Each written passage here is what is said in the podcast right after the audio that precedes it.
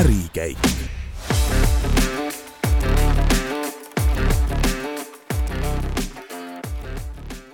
head kuulajad, te kuulete saate Ärikäik kahekümne seitsmendat osa. tänased saatejuhid on Marta Peril-Grauberg ja Gert Avasalu ja meil on täna külas Eesti Kaitse- ja Kosmosetööstuse Liidu juht Kalev Koidumäe. Te tulite just liidu nõukogu koosolekult, millest seal räägiti ja mida nõukogu teada tahtis? tere, hea kuulaja. Äh, nõukogu koosolek, see on niisugune rutiinne, rutiin, igakuine Äh, koosolek, kus siis anname ülevaate, mida siis oleme teinud äh, liidu ettevõtete suunas, kuidas me oleme toetanud ja ka teistpidi ka nõukogu poolt, et mingid niisugused olulisemad suunised. aga midagi erakordset või põrutavat sealt ei tulnud, et lihtsalt niisugused administratiivsed asjad, et eelmise aasta nii-öelda mingid kokkuvõtted ja, ja, ja suunad ka järgnevaks, järgnevateks kuudeks ja, ja katsime ka siis seda Ukrainaga, Ukraina äh, strateegilise tööstuse ministeeriumiga kahepoolse koostööleppe teemat, et lühikese ajaga sai niisugune leping valmis voolitud ja, ja, ja siis äh, presidendi visiidiaeg allkirjastatud aga rääkige paari sõnaga sellest lepingust, et, ähm, et selles teates ka selle lepingu allkirjastamise kohta mainiti, et see suurendab Eesti selle valdkonna ettevõtete võib-olla nagu sellist, ma ei tea, heade kontaktide arvu ja nii edasi, et, et mida teie peate selle leppe kõige suuremaks väärtuseks ja mida ta nagu muudab võrreldes varasemaga? me sõlmisime lepp, sõlmisime leppe Ukraina strateegilise tööstuse ministeeriumiga ja see ministeerium siis koordineerib Ukrainas kaitsetööstussektorit. ja nende soov oligi, et nüüd sõlmida nii-öelda partnerriikide kaitsetööstuste äh, organisatsioonidega koostöölepped ja et see annab ka raamistiku, ka juriidilise raamistiku, et laiendades oma võimalikke tegevusi, kellel on võimalusi, soove ja tahet Ukraina poole. et äh, Ukraina enda kaitsetööstus on nagu väga pika traditsiooniga, väga võimekas ja selles suhtes on ka ütleme, ettevõtetel, kes tahavad oma tootmist laiendada, on seal võimalik niisugust korralikku partnerit leida ja, ja ka seda potentsiaali ja inseneeriat on seal päris palju. ja nüüd äh, selle konkreetse strateegilise tööstuse ministeeriumi kaudu me saamegi siis leida neid õigeid kontakte. seega seal on ka erinevaid organisatsioone ja võib-olla kui ise omal käel hakata seal otsima neid, siis äh, ei pruugi alati võib-olla kõige õigemate kontaktide juurde saada. teistpidi on see, et sealtpoolt Äh, me saame ka informatsiooni selle kohta, mis on nagu Ukraina enda tegelikud vajadused täna. et kas nad vajavad siis mingit tehnoloogilist poolt, võib-olla hoopis mingeid materjale. et ka see aitab nagu neid selles suhtes oma, oma sõda paremini võita. Eesti ettevõtetest umbes kümmekond tegutseb praegu Ukrainas, et kui palju saab rääkida sellest, et äh, mida nad seal teevad? see on jah, suurusjärk on kuskil kümmekond ettevõtet, kes on siis täna ühte või teistpidi seal suuremal või vähemal määral äh, Ukrainas oma jalga kinnitanud. et on ettevõtted, kes siis äh, toodavad droone, on ettevõtted, kes siis teevad erinevaid tarkvaralahendusi äh,. meie aasta ettevõte Defsec Intel, kes siis valiti eelmine aasta Kaitsetööstusliidu aasta ettevõtteks, tema toodab või ütleme, viib sinna turule olukorrateadlikkuse süsteem, et mis on ennast igati hästi õigustanud nii, nii piirivalvel kui ka siis äh, Ukraina kaitseväe poole peal, et kui väga efektiivse tööriistana. ja eks ka läbi, läbi nende samade ettevõtete, kes täna seal toimetavad, tekib ka rohkem niisugust kontaktide võrgustikku ja, ja saame ka paremini aru, et mis on nagu meie enda võimalused ja, ja ka võimekused seal pakkuda. sest ega kogused on tegelikult suured, mida, mida vajatakse, et kas me ise oleme suutelised neid koguseid tootma. kas Ukraina on praegu see piirkond, kuhu läheb kogu meie kaitse- ja kosmosetööstuse ettevõtete peatähelepanu? jah, me võime öelda küll seda, et, et ta on nagu paljude ettevõtete jaoks niisugune põhifookus, aga sellele vaatamata, et ka teised turud, et ei ole ju kuskilt ennast nagu ettevõtted välja tõmmanud ja need ainult Ukraina suunas, suunas ainult hakanud tegutsema et ega need olemasolevad turud Euroopa Liidu ja NATO riikide omad, on, meie huvid on kindlasti ka laheriikides ja, ja Ukraina on, ütleme, viimase kahe aastaga Ukraina turg on nagu tõusnud rohkem, rohkem esile, kui me vaatame just nüüd statistilisi numbreid ja mis on kahekümne teise ja võib-olla kahekümne kolmanda aasta niisugust prognoosidest ja, ja eksporditurgudest ja partneritest. aga noh, veel kord, et eks huvilisi ei ole palju, aga kõik sõltub sellest, et mis on su toode ja ega ukrainlased on ka selles suhtes väga konkreetsed, et nad tahavad nagu tööriista, mis töötab ja teeb õigeid asju. aga kuidas see nii-öelda rõhk üldse mm, on, kui võtta Ukraina praegune mm, see turg, et kas see on selline abi korras nii-öelda selle käimasoleva mm, sõja nagu nende aitamine selles? Või siis on see pigem ikkagi mingi pikema perspektiiviga asi, sest kui võtta äh, Ukraina enda võimas sõjatööstus ja näiteks needsamad veekvisirined mm, olukorrast teadlikkuse mm, tehnoloogia, et äh, see võiks ka olla nii-öelda ju pikema perspektiiviga koostöö. jaa, kindlasti, ega noh, Ukraina ambitsioon on ka liituda NATO-ga ja tähendab ehitada üles igati kaasaegne armee. ja selles suhtes see, mis täna läheb, see materjal ja, ja tehnika kõik kulub ju põhimõtteliselt lahingutegevuses ära, et äh, ega selles suhtes äh, kaitsetööstuse sektor on äh, järgnevatel aastatel on väga-väga hõivatud seal nii-öelda Ukraina enda armee varustamisega.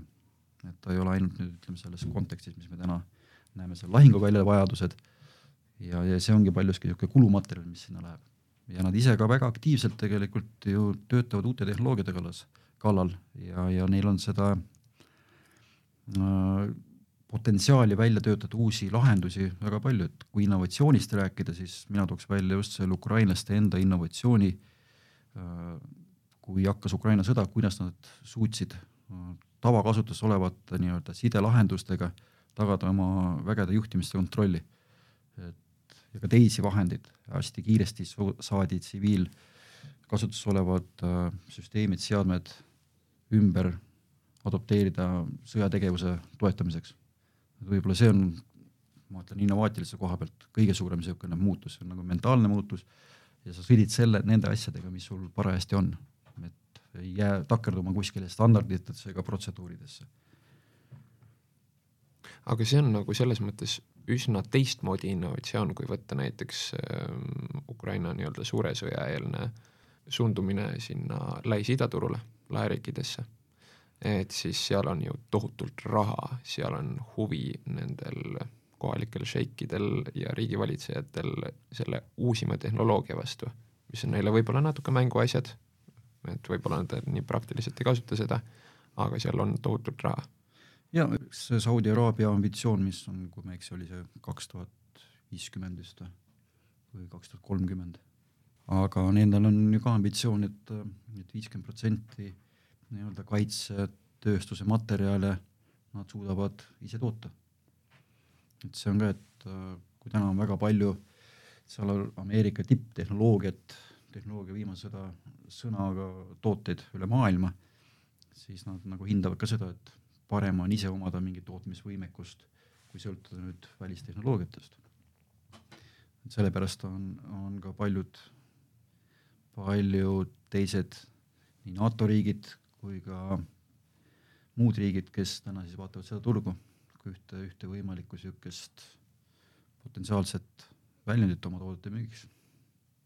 konkurents on seal väga tihe mm,. sellise nurga alt, kas see tähendab siis seda, et nagu üldiselt nagu siin läänemaailmas, võib-olla ka natuke laiemalt, kas siis on suund nii-öelda USA tehnika alt ära ja kas siis Eesti saab seal ka nagu oma panuse anda rolli mängida? Ma arvan, et äh, ega Ameerika tehnoloogia jääb, jääb äh, igal juhul sinna piirkonda. et lihtsalt nad võib-olla tahavad oma tehnoloogilist äh, sõltuvust vähendada mingil määral, sest et Ameerika on nende jaoks strateegiline partner ja ka ütleme, julgeolekugarant tegelikult. kui meie oleme nii-öelda NATO vihmavarju all, siis sealsetele riikidele on see strateegiline partnerlus julgeolekugrandiks läbi tehnoloogia, et kui sa ikka võtad tipptehnoloogiat, siis ega ameeriklased seda tehnoloogiat ka noh, kolmandatele riikidele lihtsalt kasumi eesmärgile müüa, et sa pead olema väga usaldusväärne partner mm.. ja sinu ütleme, välispoliitilised äh, väärtused ja asjad peavad nagu haakuma.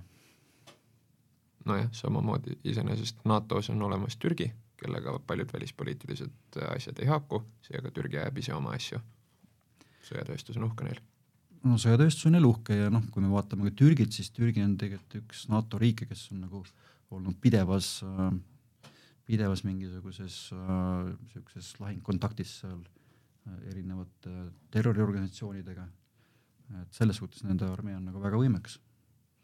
et noh, ega türgilise väärtushinnangul ka, et kui me vaatame enne praegust presidendi aega, et on paljuski väärtushinnangud sõltuvad ju äh, riigi, riigijuhist seal aga vast noh, vaieldamatult, et Türgi on selles suhtes äh, igati, igati lojaalne NATO partner, et kui võtta just nüüd sõjalise julgeoleku kontekstist ja, ja välisoperatsiooni toetamisega, et kas meie sõjatööstusel üldse mingeid väljend, väljundeid on, kuidas Türgi sõjatööstusega koostööd teha?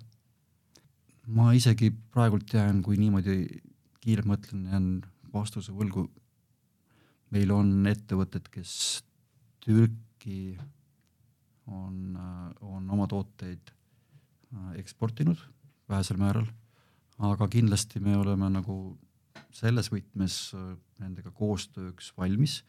Ja meil on ka kohtumised äh, Türgi kaitsetööstusettevõtete juhtidega siin lähiajal plaanis, et me teame, et Kaitsevägi on teinud suuremahulise soomukite hanke Türgist.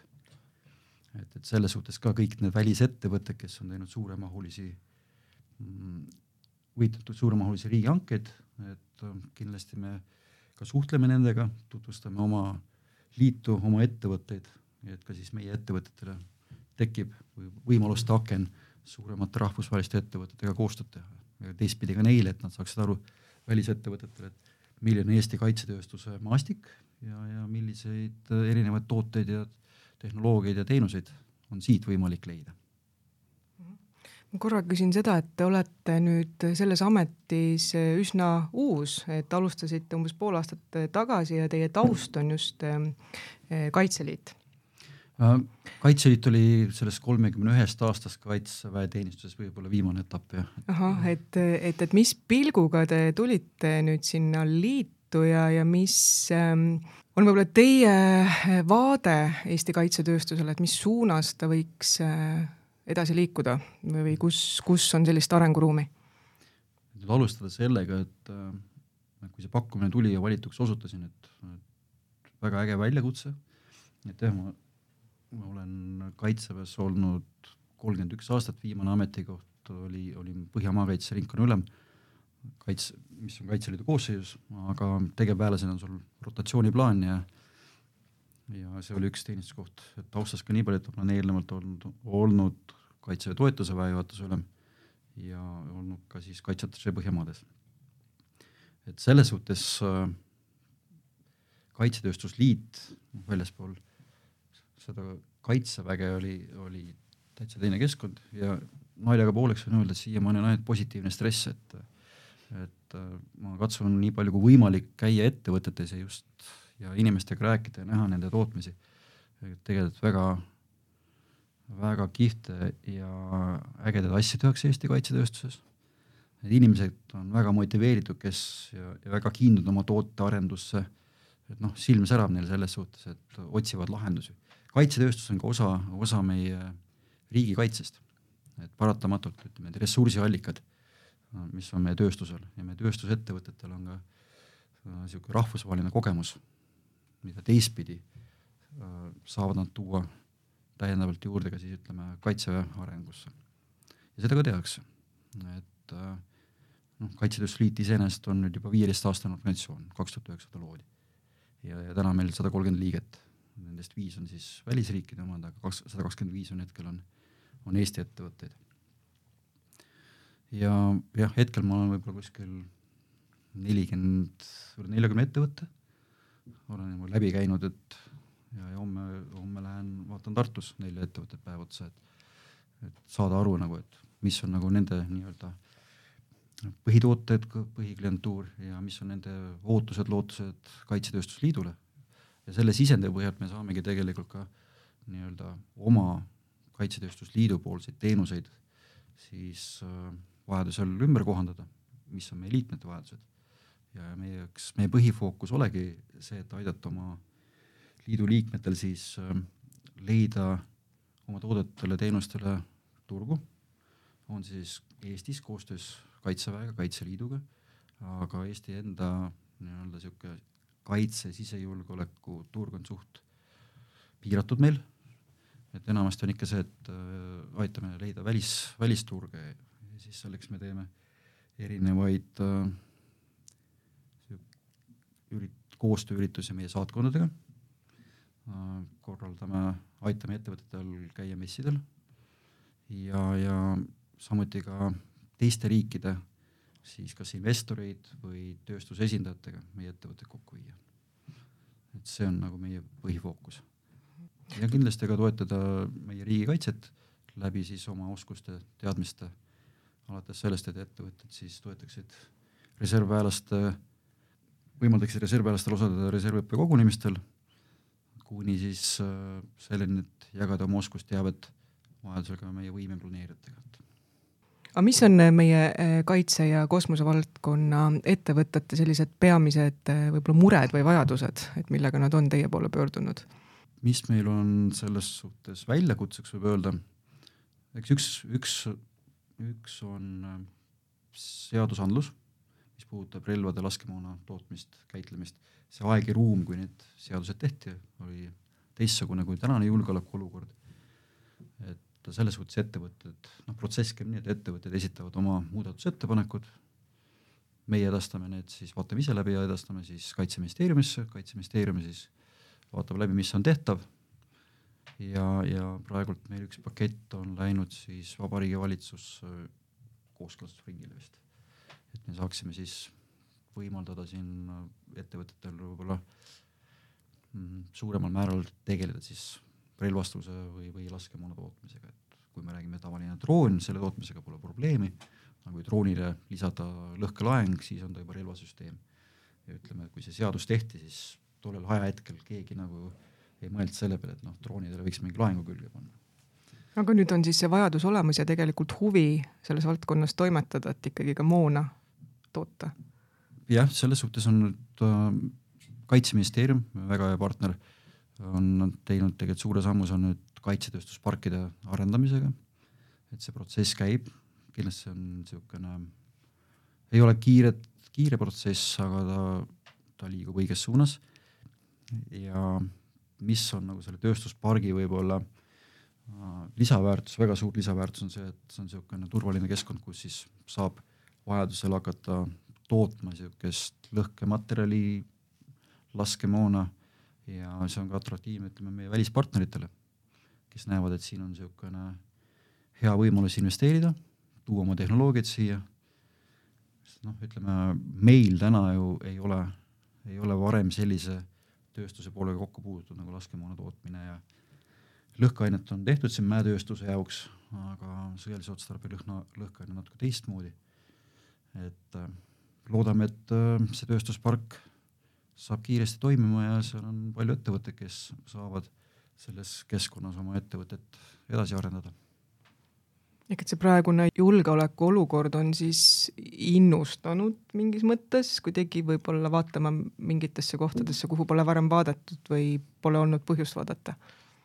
jah, selles suhtes kindlasti, et see julgeolekuolukord on, on tekitanud rohkem nõudlust äh, kaitseotstarbelise materjali järgi.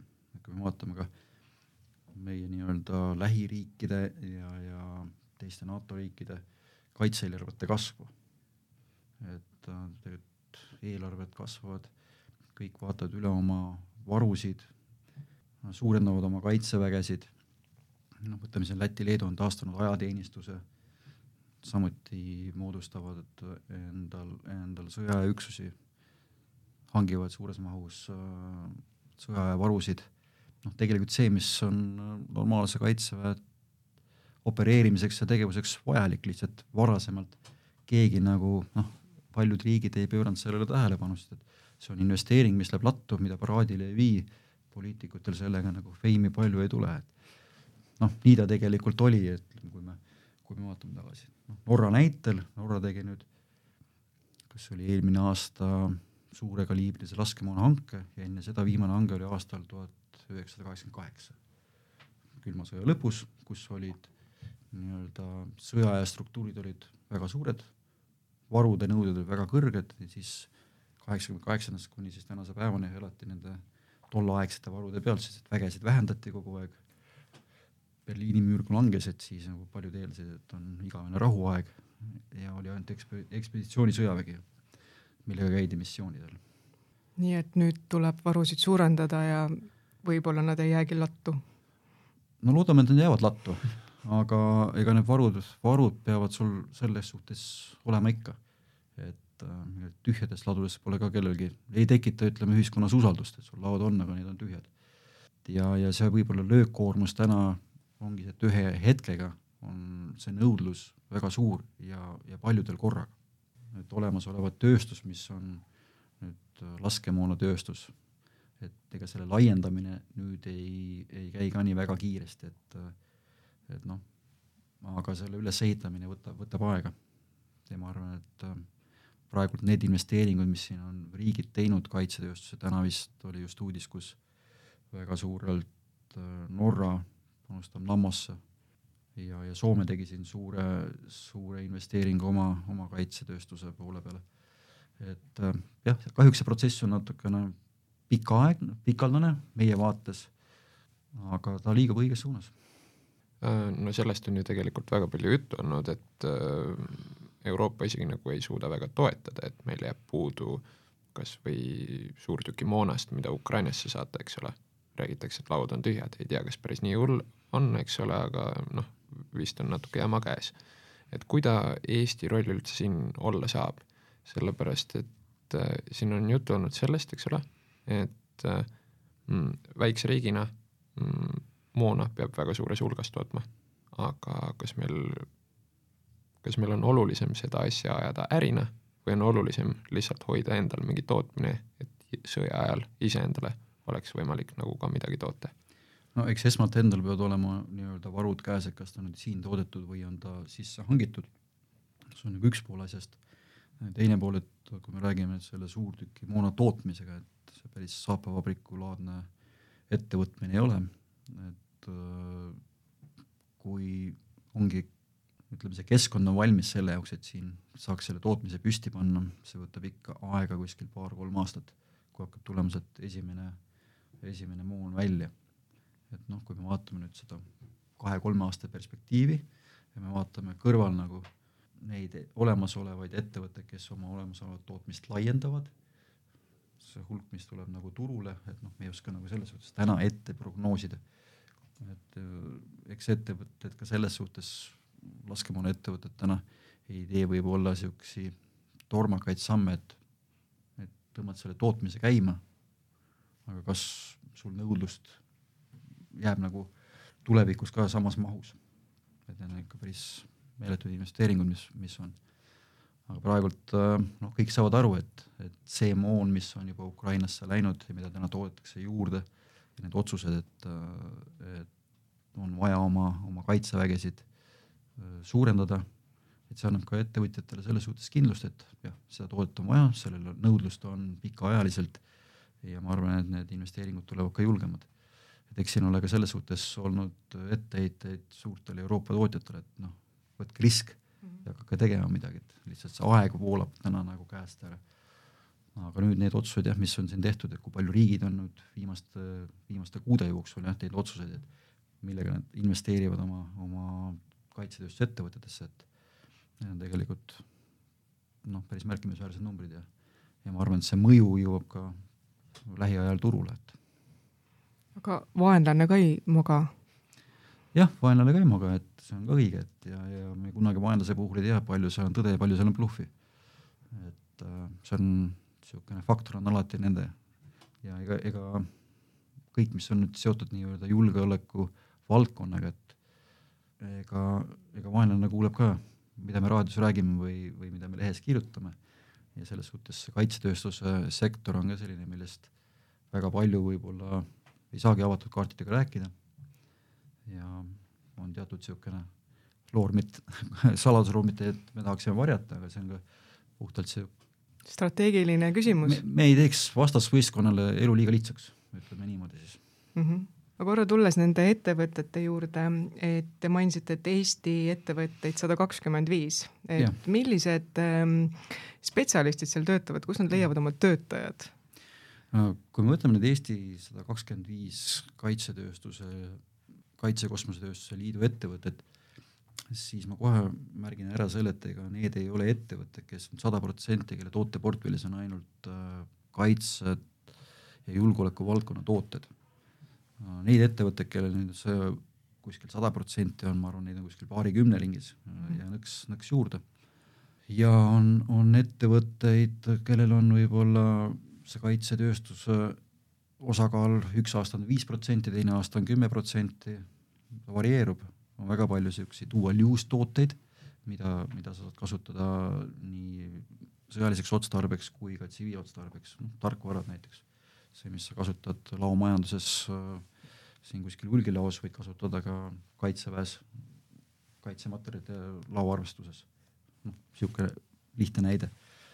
eks äh, selles suhtes meie sektor konkureerib ju samuti selle tööjõuga, see on nagu ühendatud anumat, anumate efekt meil, et neid insenere on Eestis täpselt nii palju, kui neid on ja, ja nõudlus nende järgi on nagu igal pool ja see sõltub juba siis ettevõtetest mis lisaväärtust nad saavad neile pakkuda, millised väljakutsed, ega, ega ütleme, insener otsib ka väga palju väljakutseid. et see töö peab teda huvitama, mitte ta ei ole huvitatud mingi rutiinist. ja selles suhtes kaitsejulgeoleku valdkonna sektoris tehakse ägedaid asju ja, ja ja võib-olla siukse uusi hulle tehnoloogiaid isegi mõtlevad välja, mida, mis pakubki siukest äh, huvi, et just inseneride puhul, et ennast panna proovile. No aga iseenesest on äh, siin välja toodud ka juba varasemalt äh, teie liidu endine juht, et äh, just need kaheotstarbelised asjad, et väga mm, perspektiivikas oli tema sõnul üldse see kosmose valdkond, millest noh, siin praeguses maailma olukorras väga ei viitsita rääkida, sest kaitsetööstus on ju põnevam, aga et teil on ju neid ettevõtteid ka päris palju. jah, meil on ka neid ettevõtteid ja, ja meil on kosmoseettevõtted, ütleme nende väljund on nende tooted kui me räägime siin, toon näite dual use'i puhul, kosmosetehnoloogiad, mida igapäevaselt kasutatakse, on näiteks PRIA poolt põllumaade üle, üle kontrollimine. see on ju kõik satelliidi pealt vaadatuna ja selle andmete töötlemine. sedasama funktsiooni saad ka lahinguvälja kontrollimiseks.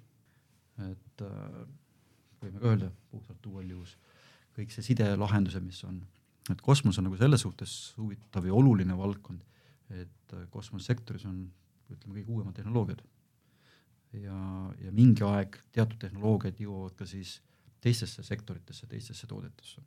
meie kosmoseettevõtete üks suuremaid partnereid on Euroopa Liidu kosmoseagentuur. et äh, see on niisugune formaat, kus ettevõtted löövad erinevates programmides kaasa, kus on neil kontaktid siis äh, erinevate teadusasutustega, teiste kosmoseettevõtetega ja, ja teiselt poolt siis jälle Eesti kosmosevaldkonna ettevõtted saavad sealt oma tuntust jälle üle maailma. Nad ei ole jah, võib-olla niisugused afišeerinud enda, enda valdkonda, aga nad toimetavad, toimetavad väga asjalikult ja, ja samuti ka see ütleme Ukraina sõja kontekstis, et eks sealt tuleb ka teatud tooted, mis toetavad siis äh, olukorrateadlikkust ja, ja võib-olla muid funktsioone mida saab ära kasutada. aga ütleme, kuhu üldse Eesti see kosmosevaldkonna ettevõtted äh, enim panustavad, kas see on pakun näiteks üsna mingi tarkvarapõhine või on seal ka mingeid äh, selliseid tehnoloogilisi lahendusi? seal on kõike, no ütleme alates sellest satelliidi info äh, teenuse pakkumisest, mida saab nagu satelliidi selle infoga peale hakata, mis on kliendi vajadussoov, on see siis mingisuguse maa-ala skaneerimine äh,, sidelahendused, krüptograafia, kõik see turvaline side, mis on maa, satelliit, satelliit, satelliit, kuni siis robootikani välja. et äh, ka erinevad kulguri lahendusi, kui me võtame S-Cube'i näiteks, ka seal oli ettevõtted, kes olid ühte või teistpidi nende S-Cube'i projektidega kaasatud. et tegelikult Eestis on see kosmose kompetents on päris korralik. võib-olla nüüd ähm, liiguks sinnapoole, et kui te nüüd vaatate kaitsetööstuse ja kosmosetööstuse tulevikku, et äh, liidu juhina, mis on teie, ma ei tea, võib-olla mingi eesmärk või unistus lähemateks aastateks, et mis võiks juhtuda või, või millele te pöialt peate? kindlasti me tahame, et äh, tuleks rohkem, ütleme, noori algavaid ettevõtteid äh, just niisuguste kõrgtehnoloogiliste toodete lahendustega välja. ja kui me vaatame täna jälle seda nii-öelda Ukraina sõja konteksti, kus ühest küljest on sul Esimese maailmasõja aegne suurtükiduell, teisest küljest, mida juhib näiteks ai. me näeme, kui kiiresti seal käib see tehnoloogiline spind täna. et kui siin aasta tagasi kõik rääkisid Bayraktarist, siis täna enam ei, keegi ei räägi ja kõik need side, sidelahendused ja, ja taktikalised lahendused, et need muutuvad seal nädalate ja kuudega, et kõik need sõjalised protsessid, kuidas saavutada edu, need käivad seal käigu pealt ja leitakse lahendusi, et äh, sa ei käi-, oleksid ettearvamatu vastasele. et äh, nüüd Eesti poole pealt, eks see innustab ka paljusid ettevõtteid, näevad kõrvalt nii palju, kui see avalikest allikatest on teada, mis seal toimub ja ma arvan, ka siin tekib äh, ettevõtjatel ka ideid, et kuidas saaksid nemad panustada mingite tehnoloogiliste lahendustega. et ma arvan, et see tehnoloogia pool on kindlasti tehnoloogiaettevõtted, kes toovad lahinguväljale muutusi, et ja, ja siit ootame nagu siukse ägedaid uusi ja efektiivseid tooteid, mis teevad ka tugevamaks nii-öelda meie enda kaitsevõimet, et kui meie ettevõtted saavad oma toodetega minna Ukrainasse ja see kogemus sealt tuua tagasi Eestisse. et äh, see tugevdab ka Eesti riigikaitset. nii et ai osaleb äh, sõjategevuses. et äh, kas ta on seda teinud sõjapidamist lihtsamaks või keerulisemaks? see on minu enda subjektiivne hinnang, aga kindlasti ma arvan, ta aitab teha protsesse lihtsamaks ja just need protsessid, kus on vaja suures mahus andmeid analüüsida. see, mis varasemalt tehti inimfaktoriga ja nüüd, kui on see tehnoloogia teeb seda, ma arvan, ta on kiirem ja ka kvaliteetsem mm. -hmm. ja lahinguväljal on väga oluline see, et kes suudab kiiremini oma otsusprotsesse langetada, see on teatud edu. aga kas te oskaksite lühidalt välja tuua, mis on üldse Eesti kaitsetööstusele võib-olla selle viimase Ukraina invasiooni pealt kõige olulisem õppetund? ma arvan, ka see meie enda ettevõtjate niisugune initsiatiiv leida ja pakkuda välja lahendusi, mis aitaksid Ukrainal seda sõda võita. ja, ja needsamad äh, ettevõtted, kes täna on Ukrainas oma toodetega jõudnud nii kaugele, et ta on Ukraina kaitseväele usaldusväärne partner. see ei ole ainult ühe ettevõtte toode, see on nagu mitmete ettevõtete äh, toodetes koosnev süsteem. ja, ja siin on ka võib-olla see, et ei vaadata seda, et okei okay,, et konkurent, vaid pigem, kus on see koostöö osa, et me saame anda ukrainlastele vajalikud ja õiged tööriistad.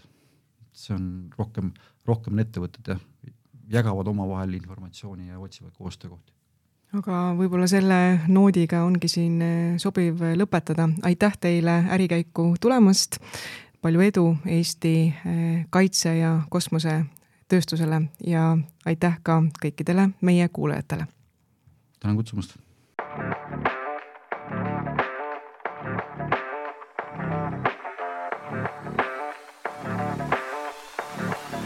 ärikäik